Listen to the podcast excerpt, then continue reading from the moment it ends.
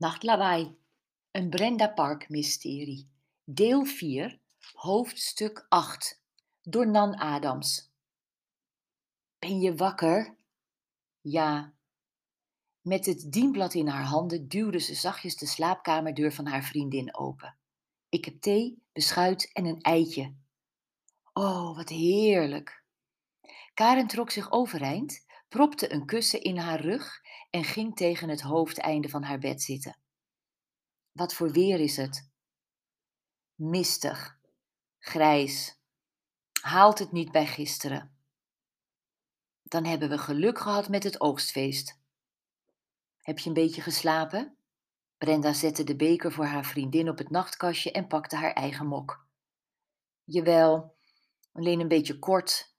Wat een toestand, joh. Karen wreef in haar ogen en keek op haar wekker. Het was tien uur. Een bizarre toestand, voegde Brenda toe. Absoluut.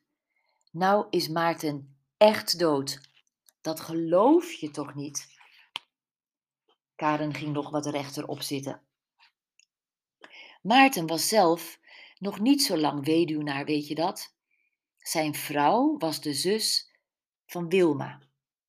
Je weet wel, die met haar dochter Linde bij de appelsiederstal zat. Maarten had zelf geen kinderen. Wat gebeurde er nou precies?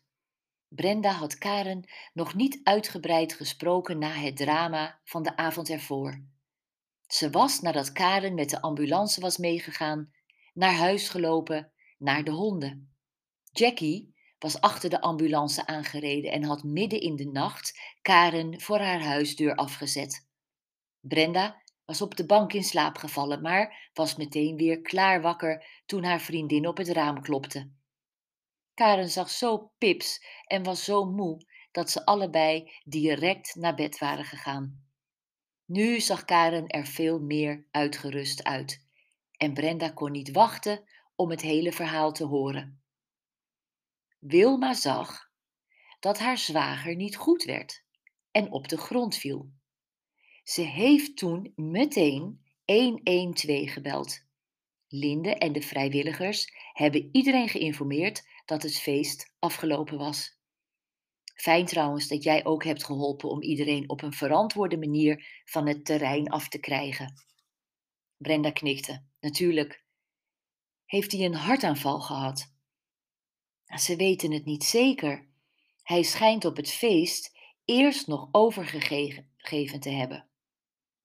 Wat een drama. Ja, dit was echt het beroerdste dat er kon gebeuren. Voor Maarten natuurlijk, maar ook voor Wilma en voor Jackie en voor iedereen die bij het landgoed betrokken is. Karen tikte haar eitje. Ik ga er straks maar weer heen helpen opruimen. Jackie wilde wel de Halloween party door laten gaan, misschien alleen voor de kinderen. Dat de volwassenen uit het dorp nu hun hoofd niet naar het feest hebben staan, is begrijpelijk. Maar ze heeft er alles al voor versierd en de kinderen kijken er naar uit. Ze nam een grote hap ei. Wil jij erheen? Wat? Naar de Halloween party? Ja, het leek me wel leuk. Gisteren? Nu weet ik het nog niet. Ik ben wel nieuwsgierig, maar ik wil jou wel helpen met opruimen. En de laatste appels plukken misschien. Oh jee!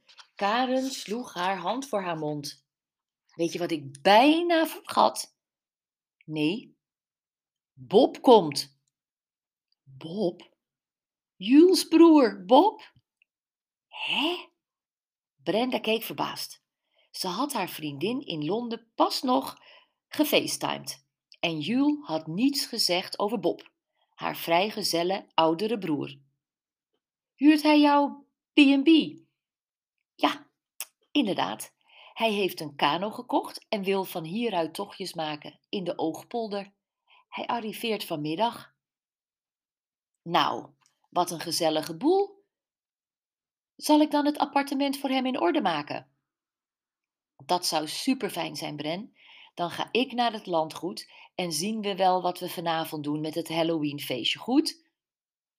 Zo gezegd werd zo gedaan. Toen Bob om drie uur aanbelde, deed Brenda de deur open en verwelkomde de broer van haar beste vriendin hartelijk. Ze stuurde meteen een bericht naar Jules. Hey, waarom wist ik niet dat jouw broer hier zou zijn? We missen je, en ik vooral, omdat ik het alweer voor elkaar heb gekregen dat er in mijn omgeving een dode is te betreuren. Wordt vervolgd.